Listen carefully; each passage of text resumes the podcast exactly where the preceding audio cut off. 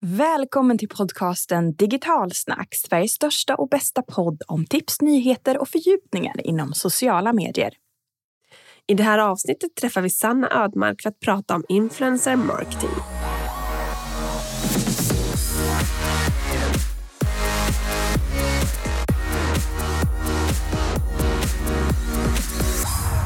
Du är varmt välkommen till Digitalsnack. Det här är podden som ger dig dagsfärsk spaning inom sociala medier. Och jag vet inte om det är en unik grej vi gör eller om vi har gjort det här tidigare, men idag har vi faktiskt ett återbesök. Det händer väldigt sällan hos oss.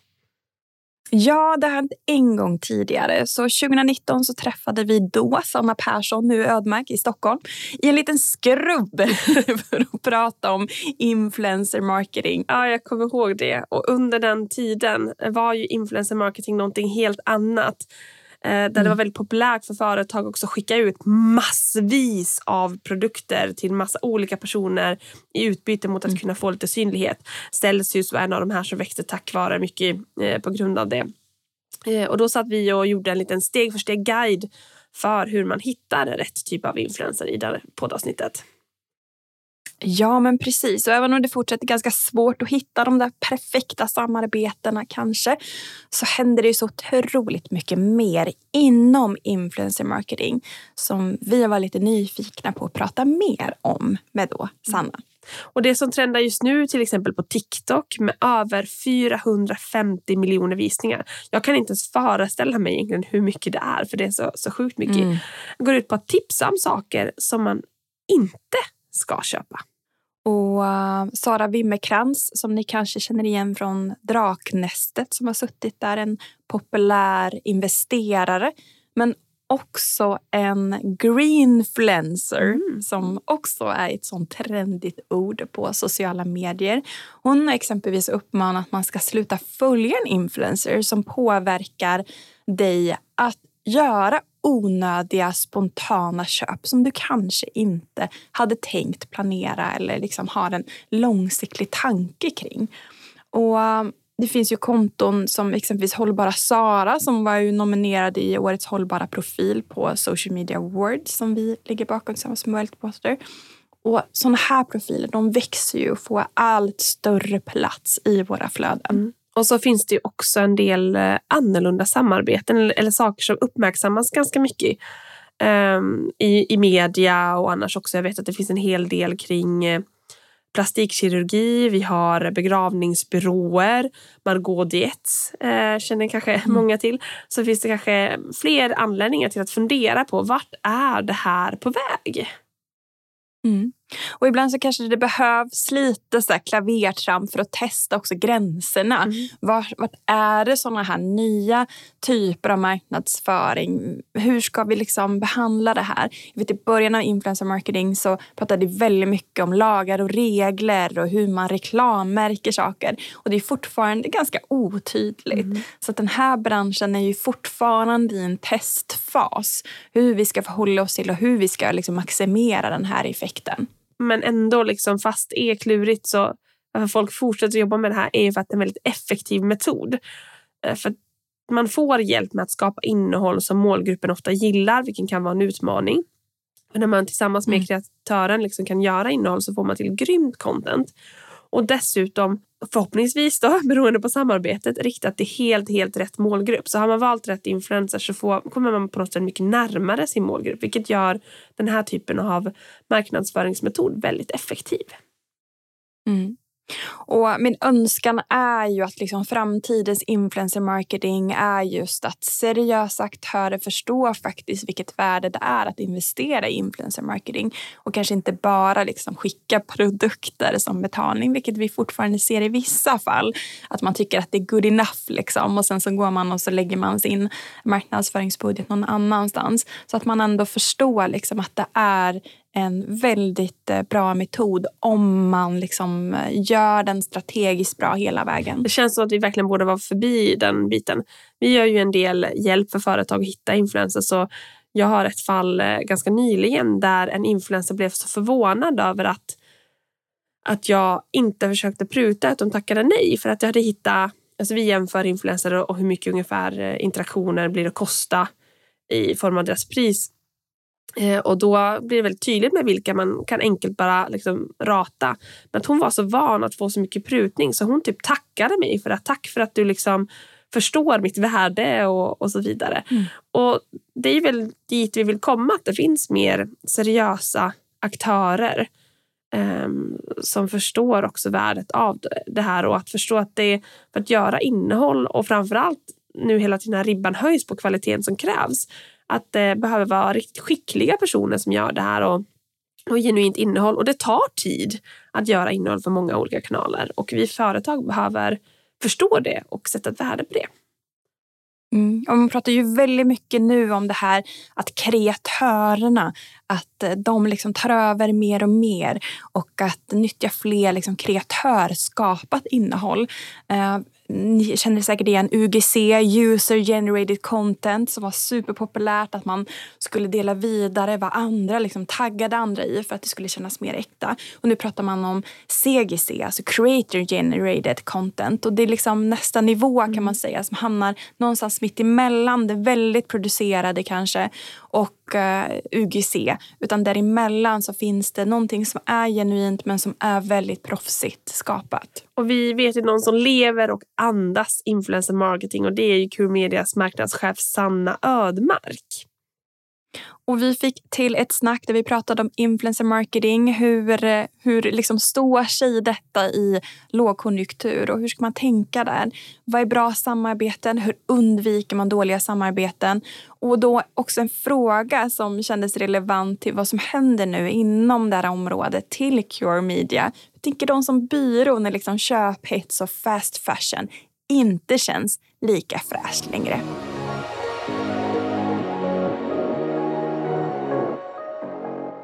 Varmt välkommen får vi säga tillbaka till Digitalsnacks social mediepodd, Sanna Ödmark.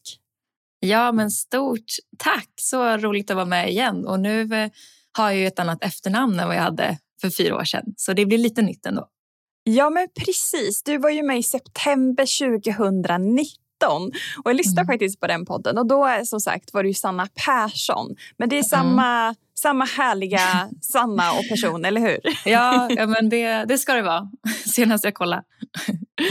Du, för de som inte var med och lyssnade på den podden 2019, kan du eh, berätta lite? Du jobbar ju på Cure Media. Vad är det absolut liksom, viktigaste man behöver veta om, om er? Ja, eh, kort om oss så grundades vi 2014 av mina tre kollegor Sam, Christian och Babak. Så vi har varit med länge i den här branschen. Det, den har inte funnits så mycket längre än så. Så vi var de, bland de första i Europa. Idag är vi ledande i Norden inom vår kategori. Och vad vi fokuserar på är framför allt fashion, home och beauty där vi jobbar med bland annat H&M, H&M Home, Sephora, Skin City och NK.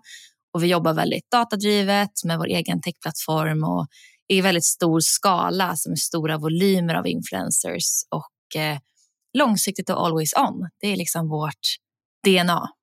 Mm. Och Det handlar ju om influencer marketing och det är det vi ska götta ner oss i i den här podden. Vart är vi nu? Som du säger, när ni Cure startade 2014 så såg det lite annorlunda ut på influencermarknaden. Mm. och nu känns det också som det händer så otroligt mycket. Så att den ska vi liksom snappa upp så att vi får en så lägesbild och så här, vart eh, kommer liksom framtidens influencer marketing ta vägen? Det kommer vi få veta av dig. Men eh, berätta lite om dig och din roll på Cure. Vad gör du för någonting? Eh, ja, men min roll är eh, marknadschef och jag har ju varit med här nu i drygt fyra år. Så när vi spelade in första avsnittet där så var jag ganska ny i min roll och på bolaget. Så det har hänt mycket sedan dess. Så ja, jag ansvarar för all vår egen marknadsföring. Det blir alltid så här meta att jobba med marknadsföring på ett marknadsföringsbolag. Ehm, men vi sitter med vår egen marknadsföring, mitt team och jobbar med vårt eget varumärke, vår egen kommunikation, vår egen podd. Mm. Ja, allt vi gör utåt helt enkelt. Ja, men vad härligt. Och som sagt, du var med i podden eh, 2019. Eh, du har ändrat eh, efternamn sen dess och eh, vi brukar fortfarande prata om den här poddintervjun som den vi fick spela in i Skrubben. Det har ju hänt en del med, med Cure sen dess, eh, eller hur? Ja, ja, men den där Skrubben var ju ett, eh, ett litet konferensrum som vi... Det var på den tiden det fortfarande skickades ut en hel del produkter till influencers. Så jag tror att det blev till slut en skrubb bara för att det var så otroligt mycket grejer som skulle skickas ut jämt. Eh, ja, så idag, det som har hänt är ju att vi har vuxit. Vi har bytt kontor, så nu har vi inga små skrubbar längre, även om eh, det var mysigt. Nu eh, ja, sitter vi några hus bort på samma gata dock. Vi har vuxit, finns i fler länder, jobbar eh, mycket mer i Europa och har kontor i eh, Berlin och London också utöver här i Stockholm. Och ja, år 2021 så kom även nya delägare in i bilden. Equip Capital köpte in sig i bolaget och det blev ett stort steg för oss. De sitter på en väldigt bred erfarenhet just på marketing och tech och har varit en väldigt bra partner nu när vi växer och skalar upp vår tekniska plattform. Så det har varit en spännande tid. Och mm. framför allt så har väl vi haft förmånen och ynnesten att vi har kunnat testa det mesta och lärt oss extremt mycket. Det händer ju så otroligt mycket hela tiden. Mm. Ehm, så det har funnits ehm, har blivit mycket lärdomar på vårt håll och vi har kommit framåt mycket. Framför allt när det kommer till mätning av kanalen har vi gjort väldigt stora framsteg sedan vi pratade sist. Vi har tagit fram nya sätt att räkna på och estimera ROI för kanalen och för våra kunder. Um, så det händer mycket. Jag ska säga, du var inne på det också, att det händer ju så otroligt mycket i den här branschen och jag tror som bolag så måste man ha inställningen att, att man inte liksom kan allt utan det gäller att bara hänga med, följa kundens målgrupp uh, och för oss handlar det ju om att vara så mycket mer än ett influencer marketingbolag. Vi vill ju vara experter på våra kunders kunder, hur millennials och Gen Z beter sig, liksom, hur de konsumerar innehåll, vart de spenderar mest tid, vilket content som engagerar dem. Eh, och det är, där, det är där det förändras hela tiden. Det är nya plattformar, det är nya algoritmer, det är nya trender. Så, så det gäller att eh, hjälpa kunden att liksom få ihop helheten och inte bara förse dem med influencers, för det kan ju vem som helst göra. Ja, men precis. Och vi ska grotta ner oss i alla delar. För som sagt, det händer väldigt mycket. inte inom bara liksom influencer marketing. Men det påverkas ju såklart väldigt mycket om den omvärld vi lever i som har varit ganska stökig länge mm, nu. Mm. Och uh, nu så uh, verkar vi gå in liksom en lågkonjunktur. Och um, jag tänker så här, vilken fas är influencer marketing inne i nu? Uh, jag tänker liksom 2014 och några liksom år framåt där så var det ju väldigt svårt liksom att få folk att betala för influencer marketing. Och det känns som att den mm. fasen är ju över nu. Man förstår att influencer marketing liksom fungerar. Men då har vi nu liksom mycket snack om AI, hur mycket det ska liksom ta över skapandet i våra kanaler. Men också det pratas mycket om ja, men värderingar när det kommer till liksom reklam och den delen. Så mm. vad skulle du säga, vilken fas influencer marketing i nu? Är vi liksom eh, mogna nu för influencer marketing eller har vi fortfarande en tillväxtfas kvar? Jag skulle säga att vi är mycket mer mogna än vad vi var såklart 2014 och även när vi spelade in återigen 2019. Då handlade det i min roll mycket om att utbilda om vad kanalen var, liksom vad, varför du ska jobba med influencer marketing och liksom få över företag till att sätta igång och göra det för första gången. Och det som du säger, det, det har vi kommit förbi. De flesta gör influencer marketing idag, men det är fortfarande ett väldigt stort glapp mellan de som gör det ordentligt och de som doppar tån. Och jag tror att många tror att man jobbar med influencer marketing Liksom, om man frågar alla marknadschefer i Sverige om de gör det så säger de flesta ja. Men det svaret, liksom, det är så mycket olika eh, definitioner av vad man gör. Någon kanske bara har en ambassadör, jobbar med en stor profil. Någon kanske gör någon kampanj, kampanj då och då. Eh, och det är ganska få som gör det på det sättet vi rekommenderar. Att jobba med det som en liksom, ordentlig eh, del i mediamixen och göra en ordentlig investering och jobba med det i stor skala. Så och vad skulle vi... du säga är de absolut största liksom, fallgroparna eller misstagen som företag fortfarande, eller som, som man gör idag när det kommer till influencer marketing? Ja, men en, en klassisk grej är ju att man fortfarande inte lägger tillräckligt med resurser och eh, budget på kanalen. Um, om man ser till mångas budget där ute, om man klassiska fördelningen så ligger det fortfarande stora delar på typ tv utomhus, de traditionella kanalerna, fast vi ser att målgruppen inte lägger alls mycket tid på de här kanalerna. Så man lägger egentligen pengar för blinda ögon. Eller om man kollar på tv så sitter vi i våra mobiler samtidigt och kollar TikTok.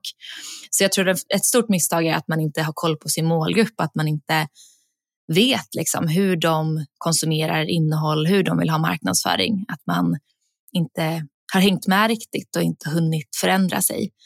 Ehm, och sen att man då tror att vi kan testa lite. Vi kan lägga en procent av budgeten på den här kanalen och se. Men det, det är svårt att göra med vilken kanal som helst. Att lägga en procent på tv hade inte heller gett någon stor effekt. Ehm, så att, så det, det är väl en av de klassiska fallgroparna, att man inte gör det tillräckligt ehm, och eh, ser det lite som en fortfarande liten kanal när det i själva verket är där de flesta spenderar mest tid idag på sociala medier och med influencers. Just det. Och tänker man fortfarande att man ska liksom satsa på stora influencers som liksom Bianca Ingrosso? Eller hur tänker man där liksom, när man gör ett val? Eller det är kanske ni som gör valet åt dem. Ehm, men hur har det liksom utvecklats? Vad efterfrågas nu?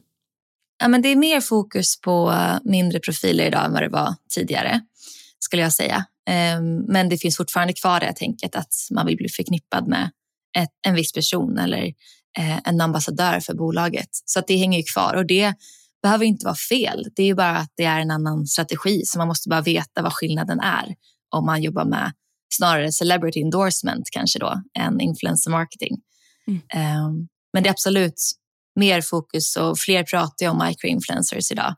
Um, men det är mm. väl just den här volymen som många inte riktigt uh, är uppe i, att man behöver jobba så mycket med kanalen och, och i så stora mängder. Det räcker inte med två influencers som postar i månaden utan ja, för att nå fram genom det här bruset och alla samarbeten där ute och allt content som finns så måste du ha eh, en högre nivå och större mm. skala. Och det pratas ju om AI överallt tror jag just nu. Ja. Uh, hur går snacket hos er liksom, i influencer marketing-branschen? Hur tror man? Uh, för vi går ju mer mot liksom, att allt fler kreatörer ska få liksom, uh, tillbaks mer än att de här stora liksom, drakarna ska, ska äga liksom, plattformarna. Hur, hur går pratet hos er när det kommer till AI? Hur ser ni liksom, framtiden kring det? Ja, men det är väldigt spännande just nu. Jag tror det är svårt att riktigt sia om framtiden vad gäller AI för vi vet knappt vad som kommer vara möjligt om ett år eller om två år. Eller. Men eh, det som man kan säga, vi har ju haft AI i vår plattform i många år. Eh, så det är egentligen inget nytt för oss att vi jobbar med AI, men det är först nu som som när vi säger det som kunderna lystrar. Liksom. Ah, har ni AI? Mm. Um, för det är kanske för att det har blivit liksom ett brett begrepp. Tidigare ja. var det liksom lite mer avancerade plattformar, de som kanske hade kapital, hade mm. tillgång till dem. Och nu har det blivit så otroligt tillgängligt brett. Och det är väl det som gör att snacket och utvecklingen går så otroligt mm. snabbt nu. Ja, och man förstår lite mer vad det är också tror jag. Alltså, mm. Innan var det lite som en blackbox. Okej, okay, ni har AI, vad coolt. Men man hade svårt att förstå vad det innebar. Men nu har ju mm. de flesta på något sätt använt sig av ChatGPT eller något annat AI-verktyg så man kan liksom greppa det på ett annat sätt. Eh, så jag tror absolut det kommer spela en roll i influencer marketing-branschen. Framför allt så som vi ser det och där vi använder det mycket idag är ju just när det gäller hantera stora mängder data, allt ifrån att välja influencers och att få hjälp av AI för att kunna få fram rekommendationer utifrån liksom datan, vilka borde prestera bäst utifrån deras ja, tidigare kampanjer eller tidigare inlägg, eh, den typen av liksom, inlägg. Eh, men sen också att eh, analysera resultat. Att mm. eh, om du har gjort massa samarbeten och eh, har extremt mycket information så kan du ju ta hjälp av AI för att liksom få fram trender och mönster och, och få insikter som är lite mer ja, men du behöver inte sitta två dagar för att få fram de här insikterna utan du kan använda AI för att få fram det snabbare. Mm. Um, vad spännande. Um, jag tänkte vi ska uh, prata om liksom hur företag och varumärken liksom, uh, hamnar i kanske i dåliga samarbeten. För det har vi ju sett en del. Um, Margot kanske är ett av de uh, mest kända exemplen. För när du är inne nu på AI så är ju tekniken helt fantastisk när du säger liksom att den kan hitta och guida rätt liksom i med hur många profiler finns det inte idag um, i sociala medier att hitta och kunna göra ett influencersamarbete med. Men den har ju inte den sista finishen. Visst är det så att för att ändå liksom um, komma till ett liksom 100% bra samarbete, om det nu går att göra såna, uh, så krävs mm. en, uh, en individ som ändå tittar på datan. Eller hur går det till? Mm. Ja, men ja, absolut. Jag skulle säga att om det bara handlade om data så, så skulle man ju ja, kunna lägga ut det på AI helt och hållet i mm. framtiden. Men det är ju som du säger, det är ju så mycket softa faktorer som inte idag i alla fall går att eh, få fram med hjälp av data och så. Så att da, data och teknik och, och liksom, den biten är ju en hygienfaktor för att säkra att en influencer är rätt. Så att du kan säkerställa målgruppsdata, du kan säkerställa eh, att det inte är massa fejkföljare, att det är liksom en, en bra profil på pappret. Eh, men sen vet man ju aldrig. Liksom, brandfit är ju otroligt viktigt för att det ska vara genuint och trovärdigt. Eh, och det är ju svårare att se på datan. Det måste du ha kunskap för att kunna säga. Alltså du måste veta vem influensen är, du måste ha koll på sammanhanget, helst liksom historisk koll och veta liksom, vad gjorde den här personen för tio år sedan. Det finns ju mm. exempel där det kommer fram gamla historier ja, som kan skada. Gräv fram liksom. När något litet kommer så kommer allt. Exakt, så att eh, där behövs ju en person som kan marknaden och som kan ja, men influencermarknaden på just den marknaden. Och det är ju alltid en utmaning om man går in på en ny marknad till exempel, om man inte har den lokala expertisen. Att ett flöde mm. idag kan ju se perfekt ut för varumärket, men man har inte koll på att den här personen var engagerad i en viss typ av fråga för tre år sedan och är känd för det i det landet eller liksom som i clinch med ens eget varumärke. Mm. Så att det är eh, både och behövs. Men verkligen. Och vi pratar mycket data. Eh, och Det är nog helt sjukt att vi, eh, vi hade en podd där vi pratade om mycket AI, jag och Jenny. Och vi bara, nu säger vi det där igen, data. Och det blir mycket datasnack. Men det är klart mm. att ska man följa upp och, och verkligen se att ett samarbete eller liksom en investering eh, marknadsföringsmässigt ger resultat så behöver man också sätta upp kopior och eh, följa upp eh, liksom olika datafaktorer. Vad Såklart. är det som är liksom viktigt att kolla på, tycker du, eh, när det kommer till liksom influencer marketing-samarbeten? När man ska liksom göra ett samarbete med någon, vad är de viktigaste liksom datapunkterna som man ska titta på? Ja, men som vi var inne på där så är ju målgrupps, målgruppsdatan eh, grunden. Att eh, den måste stämma. Och då tittar stämma. du på liksom, geografiskt, om det är ja. stämmer till om man har en, ett eh, specifikt kön till exempel, en viss ålderskategori. Du tänker på de liksom, demografiska? Ja, precis. Mm. I alla fall eh, om man ser till till exempel Instagram, att där har det varit eh, det viktigaste. Liksom. Eh, och se till att den speglar kundens målgrupp. För det är ju inte alltid det stämmer att en person ser ut att vända sig till en målgrupp men kanske har kvinnor 40 plus när du vill nå kvinnor 20 25. Så att säkerställa att det är rätt personer som följer. Men det blir också en, en liten annan situation när vi kollar på TikTok till exempel där det inte riktigt på samma sätt handlar om följare utan mer handlar om liksom din förmåga att skapa content som sprider sig och blir viralt och, och eh, engagerar. Och liksom, det handlar ju mer om intressen än demografi. Så att det är en liten ny eh, situation där, eh, även mm. om följare såklart spelar in där också. Mm. Eh, så följardemografi är ju grunden. Och sen såklart alltså att personen har förmåga att skapa engagemang, att de når ut till rätt personer, att de har rätt räckvidd, att den stämmer. Eh, men eh, där är det ju en stor fördel om man kan gå tillbaka i historisk data eh, som vi till exempel har då som har varit med så länge, att kunna gå tillbaka och se vilka influencers brukar prestera bra när det är den här typen av produkt eller den här typen av KPI. Vissa är jättebra på att skapa content, vissa är jättebra på att få folk att köpa eller eh, utbilda kring en viktig fråga. Så att jag skulle säga att det viktigaste, om man bortser liksom från de självklara grejerna, är just den här brandfitten och sen också om hur kommer den här personen vara kapabel att eh, uppfylla våra kopior. Och det mm. beror ju så mycket på vad det är för kopior och vad det är för produkt och vad det är för marknad. Och, ja, det är mycket som spelar in. Ja, men såklart. Och tycker faktiskt att i den podden från 2019 att du faktiskt är, har beskrivit den här steg för steg-processen för att komma igång med influencer marketing. Så jag tänker att vi inte djupdyker mm. mer i den, men då kan man lyssna på den som komplettering efter det här, tänker jag. Ja, men precis. Men vi ska liksom titta på det läget vi befinner oss i nu. Man brukar säga att man ska liksom gasa sig ur en lågkonjunktur för att liksom komma stark ut på andra sidan. Eh, men vi ser ju ändå att ekonomin bromsar in ganska rejält. Hur håller sig influencer marketing? Uh, för jag tror du och jag är så unga i alla fall att vi inte har upplevt en lågkonjunktur innan. Så det är ganska nytt för oss. Uh, men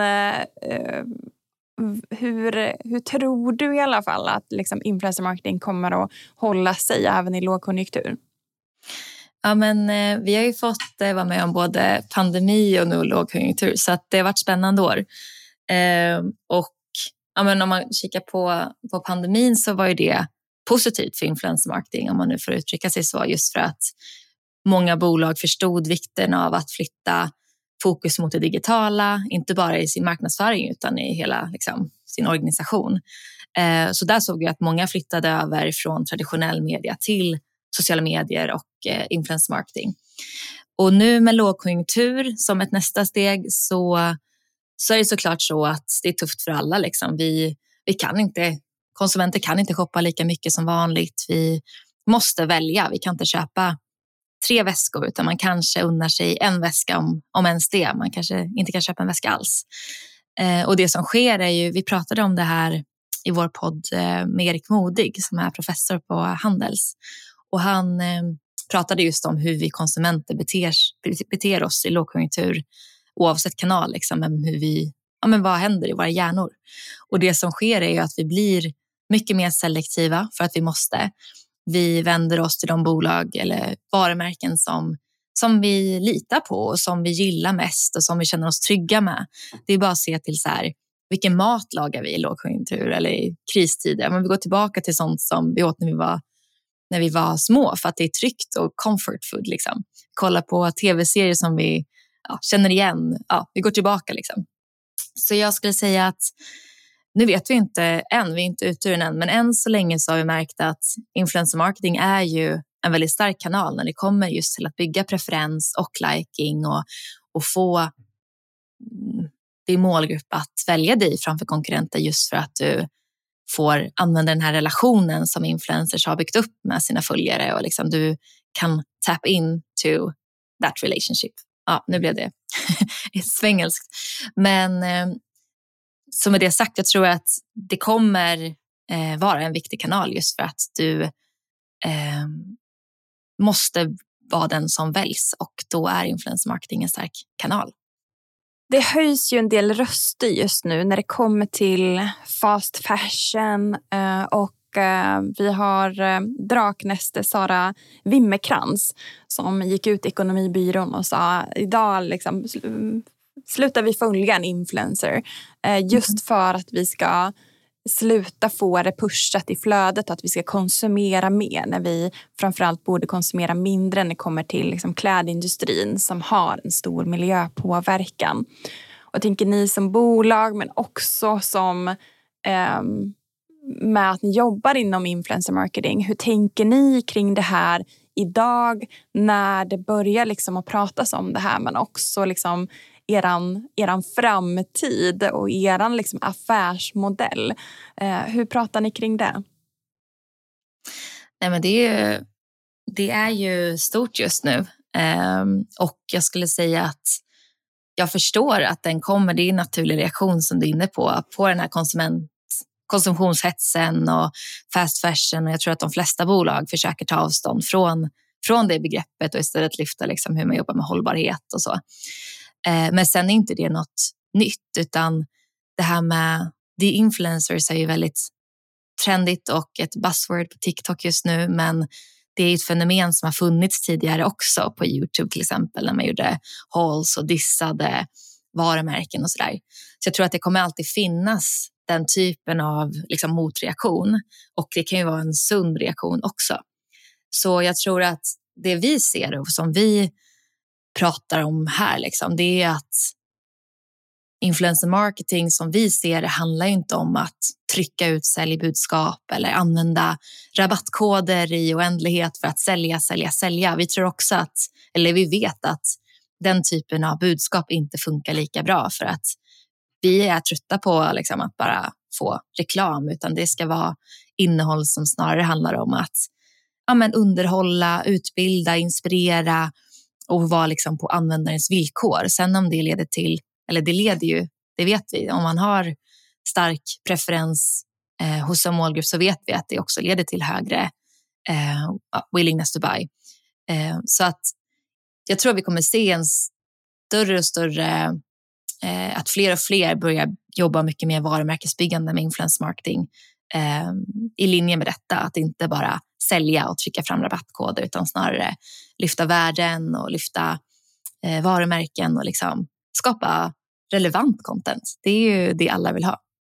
Så egentligen så går vi tillbaks för liksom, ehm, eh, Eh, målet egentligen är med influencer marketing. Det är ju på något vis att låna varandras målgrupper och liksom finnas i varandras medvetande och göra liksom fina, bra samarbeten tillsammans och kanske inte nyttja liksom en person för bara liksom sälj. Nej, alltså jag tror sen måste det såklart eh, leda till sälj. Alltså, all, allt handlar om det i slutändan för att bolag ska växa. Och, eh, ja, det är så det är. Men, men just det här direkta säljet, att man snarare jobbar med varumärkesbyggande för att i slutändan eh, bygga upp en starkare preferens att de vänder sig till det bolaget när det väl är dags att köpa. Mm. Eh, och att såklart också kunna mäta det. Det är ju mm. det viktiga också. Och hur skulle man då göra som företag om man vill satsa på influencer marketing och kanske också liksom, eh, ha en mer liksom, hållbar tänk eh, när det kommer till att göra ett samarbete? Eh, har du någon bra liksom, checklista på hur man ska tänka och göra? Oh, tänker du checklista kopplat till just hållbart samarbete? Eller jag tänker hållbarhet är ju så mycket annat än miljö. Utan det är ju liksom eh, att inte man nyttjar kanske en eh, influencer bara till en liksom krängkanal. Utan hur kan man skapa ett samarbete som ger ett större mervärde tillsammans? Eh, att mm. man får ut, man kan vara en liten aktör som har ett fantastiskt budskap men har själv svårt att bygga de kanalerna själv och kan nyttja liksom en annan målgrupp. Hur gör man liksom ett samarbete hållbart för sitt varumärke? Och får effekt? Ja, men jag skulle säga att det handlar mycket om att gå tillbaka och välja personer som, som är verkligen on brand och som är en bra brand fit. Att eh, välja personer som, som kan prata om ditt varumärke och som kan göra det liksom, på lång sikt och, och, och inte bara eh, jobba stötvis med kanalen överlag utan jobba always on, finnas där över tid för det är så du bygger upp det här förtroendet med eh, din målgrupp. Men sen också som du är inne på, det finns ju många aspekter av hållbarhet och vi kan också snacka liksom, mångfald och inkludering och den typen av frågor. Mm. Och där ser vi också mycket eh, att det är, det är superviktiga frågor idag.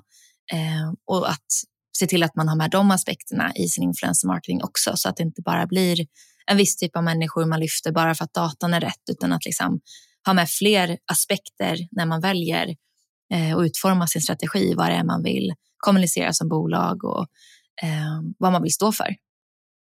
Men verkligen.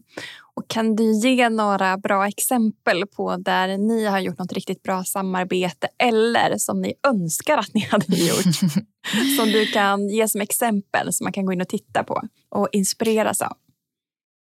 Ja, ja men vi, vi gör ju mycket roliga och kul och, och bra samarbeten. Eh, och det finns många som vi inte gör också där ute.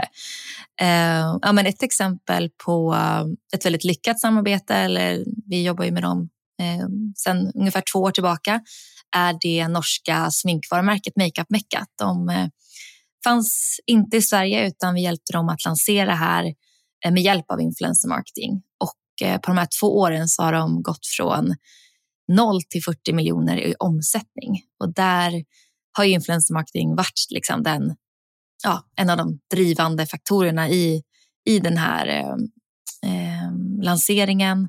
Och eh, där jobbar vi väldigt med en mix av olika typer av profiler, olika typer av influencers, både på TikTok och Instagram. Det är underhållande, det är utbildande, det är inspirerande, det är inkluderande. Eh, så det är ett tips att spana in. Ehm, och, och hur många vi... profiler har ni jobbat med? Är det liksom en enskild profil eller har ni blandat många olika under det här ja, projektet? Precis, vi jobbar ju aldrig med bara en profil utan vi har jobbat med eh, jättemånga olika influencers och kreatörer. Och där är det också så att vi eh, månad för månad optimerar den här influencermixen så vi ser liksom så att det är topp 11 som hela tiden spelar. Vi ser utifrån datan, utifrån content, vad är det vi behöver fylla på med, vad är det som, ja, så att man liksom hela tiden är på topp i, i samarbetena. Snyggt. Eh, sen några som jag tycker gör riktigt grym influencer marketing och som har gjort det länge, det är Gymshark. Eh, mm. Brittiskt träningsklädesmärke eller lifestyle.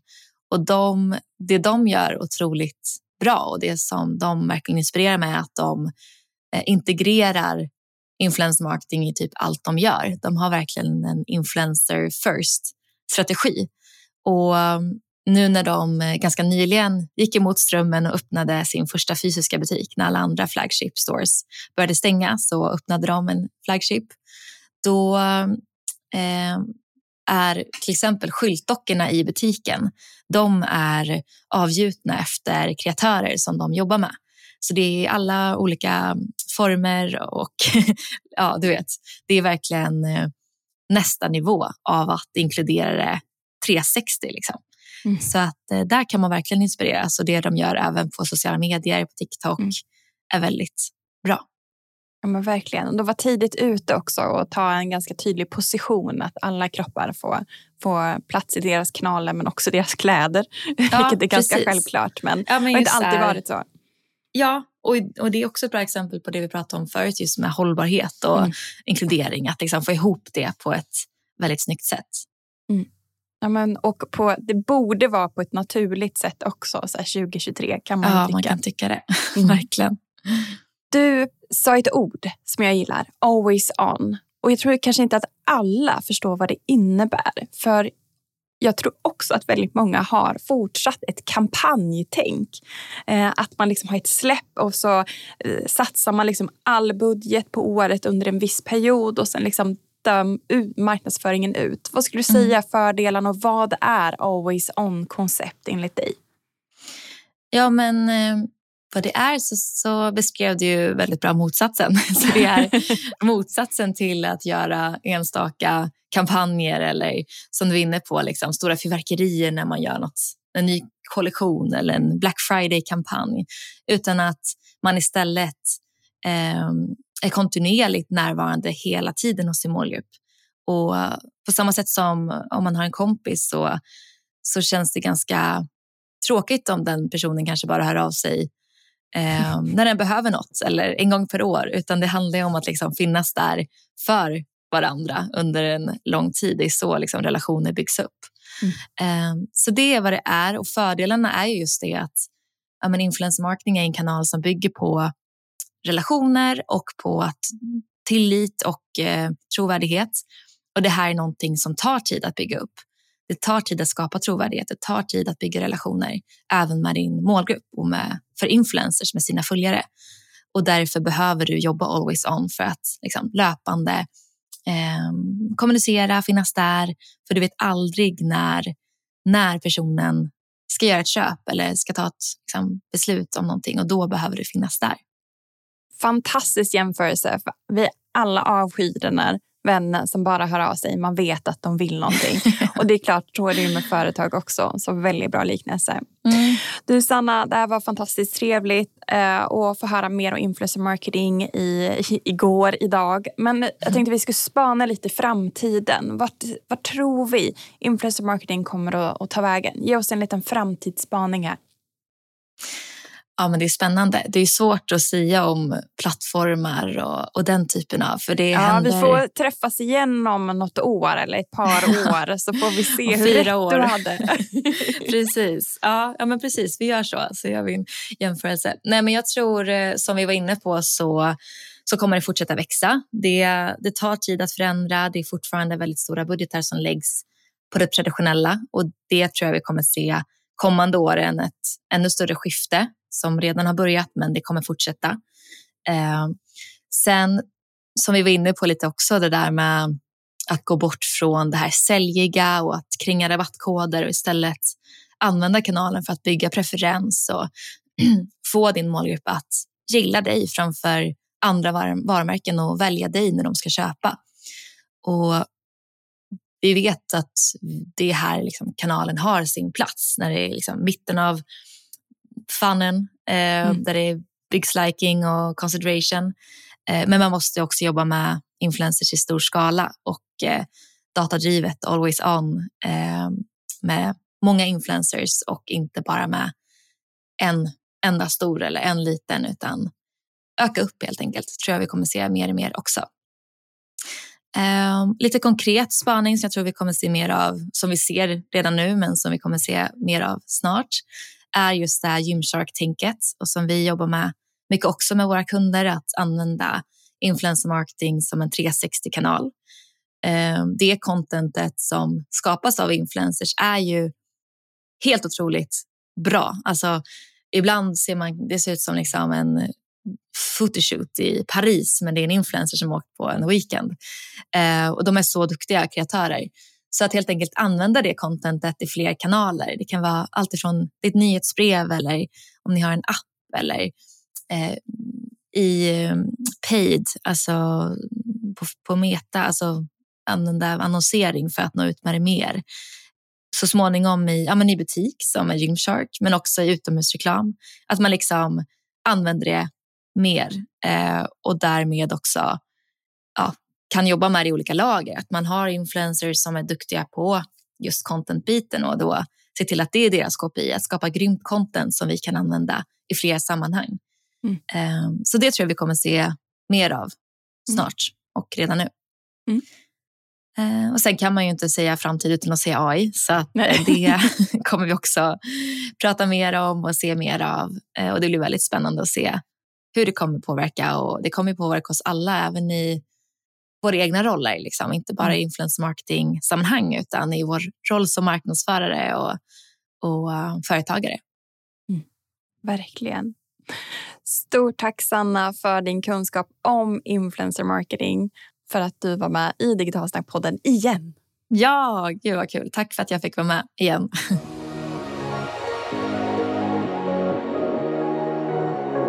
Det är ju en utmaning att hitta en relevans och hållbar konsumtion när man som vi och Cure Media jobbar för att få kunders företag och affär att växa på sociala medier. Det är inte så lätt. Nej, och där har vi, tycker jag i alla fall, som företag ett väldigt stort ansvar att jobba med varumärken som också tänker hållbart på många flera plan. Och allt ifrån liksom produktion till också mångfald i bilder. Och där vi kan också vara med och påverka och också kravställa. Och spännande utveckling även det här med AI såklart. Eh, hur både företag och kreatörer och liksom andra personer kommer kunna nyttja den tekniken. Det görs ju massa redan idag för att exempelvis ta fram videobilder eller till och med texter. Och vill ni, är ni nyfikna på att veta mer om hur man strategiskt jobbar med influencer marketing? Hör av er till mig eller Jenny på jenny.digitalsnack.se eller cecilia.digitalsnack.se. Och vi tackar för att du lyssnar på det här avsnittet av Digitalsnacks social mediepodd. Tack och hej!